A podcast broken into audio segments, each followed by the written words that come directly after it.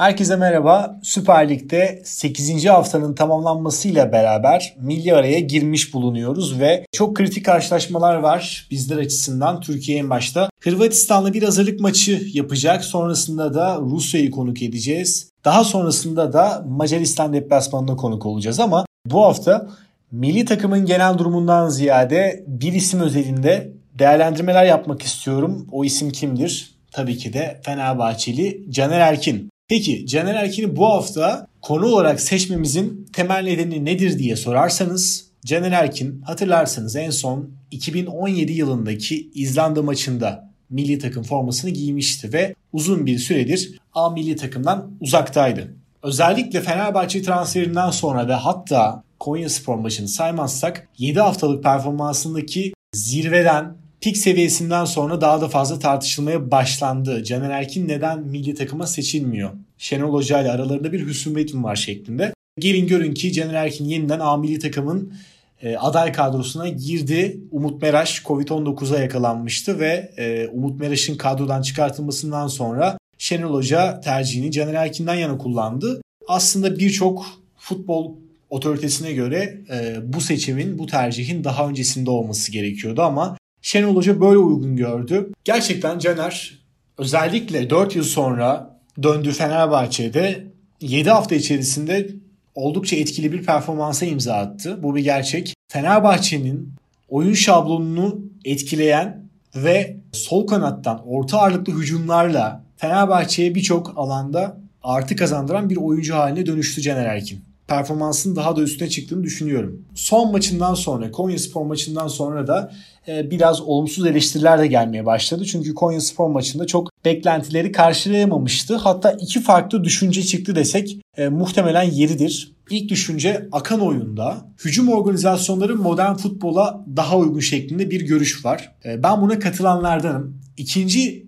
düşünce ise biraz daha Caner'in oyun tarzını ve e, hücum varyasyonlarını destekleyen cinsten. Duran toplar dışında kanat ortalarının verimi de çok önemli şeklinde. Şüphe yok. Bunu kesinlikle göz ardı edemeyiz. Ancak akan oyunda hücum organizasyonlarının yapılması kesinlikle modern futbolda daha öncelikli. Caner'in her maç 25-30 tane orta yaptığını biliyoruz ama mesele bunları ne kadar değerlendirebiliyor Fenerbahçe takımı. Çünkü bunlar tabelaya yansımadığı zaman Fenerbahçe cephesinde ve Caner'in oyununu yorumladığımız zaman e, Caner açısından da negatif bir duruma da dönüşüyor açıkçası.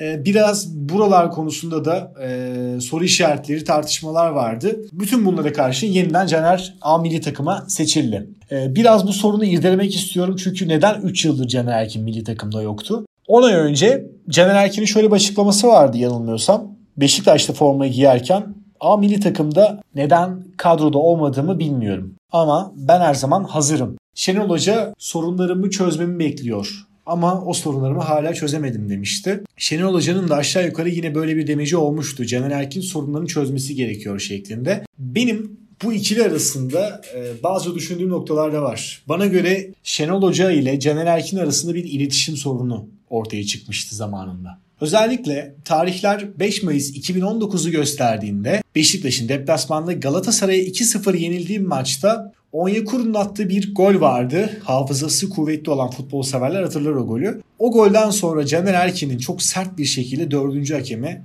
bir itirazı söz konusuydu. Akabinde Şenol Hoca hemen geldi ve Caner'i çok sert bir şekilde hatta el kol hareketleriyle uyaracak seviyeye kadar gelen bir ikazda bulunmuştu. Ben bu maçla beraber Şenol Hoca ile Caner Erkin arasında bir iletişim sorununun başladığını veya ayyuka çıktığını düşünüyorum. Ve bu maçtan sonra da zaten Caner Erkin bir daha milli takım formasını giyememişti. Şimdi ben bu kaydı yaparken bu yorumları söylerken az önce yaklaşık 30 dakika önce Caner Erkin ile Şenol Güneş basın toplantısına beraber katıldılar. Burada Şenol Hoca'nın yanında Caner'i getirmesi de aslında bir nevi hem basına hem de kamuoya bir mesajdır. Orada da dikkat çekici bazı açıklamalar oldu. Caner Erkin'in artık zamanı geldi. Belli bir düşüşü vardı ama yeniden tırmandı ve bu havuza girebildi şeklinde. Bu anlama gelecek bazı cümleler kurdu Şenol Hoca. Ama benim en çok dikkatimi çeken nokta ise genç bir sol bek arıyoruz. Aradığımız kriterlere uygun bir sol bek bulursak milli takımın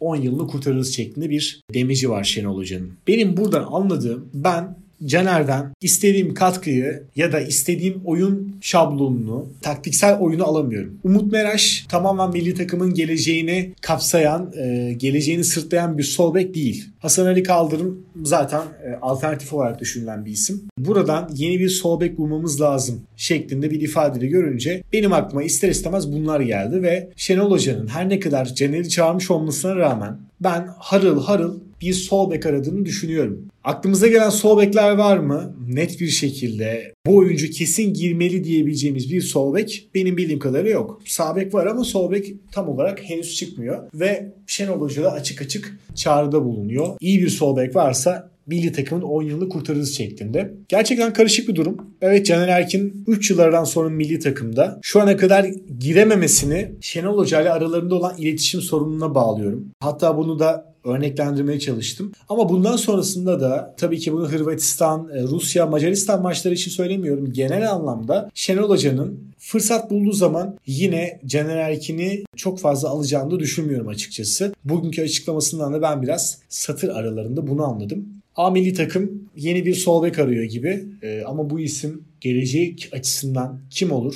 Hangi isim olur? E, bunu da tabii ki bekleyip göreceğiz. Diğer sol bek adaylarının da gelişimlerine bakmamız gerekiyor. Biraz aslında iş buraya geldi. E, diğer taraftan sadece sol bek de değil aslında. Özellikle Burak Yılmaz sonrasında da milli takımın çok ciddi bir santrafor açığı olacak gibi her ne kadar Cenk Tosun olsa da. Bu konuda da ciddi arayışlar var ve bütün kamuoyu da bunu zaten biliyor hatta dillendiriyor. Bu konuya da bence sol bek konusu dışında çok fazla önem verilmeli. Hatta belki de bu konu biraz daha önemli olabilir. Evet bu hafta Caner Erkin ekseninde milli takıma neden seçilmedi? Seçildikten sonra nasıl olacak? Şenol Hoca'nın e, bugünkü açıklamaları ve özellikle iyi bir sol bek bulursak milli takımın 10 yılını kurtarırız şeklindeki bir demeci vardı. E, buralardan satır aralarında gördüğüm anlamları sizlere dilim döndüğünce ifade etmeye çalıştım. Gelecek hafta başka bir gündem maddesiyle görüşmek dileğiyle. Hoşçakalın.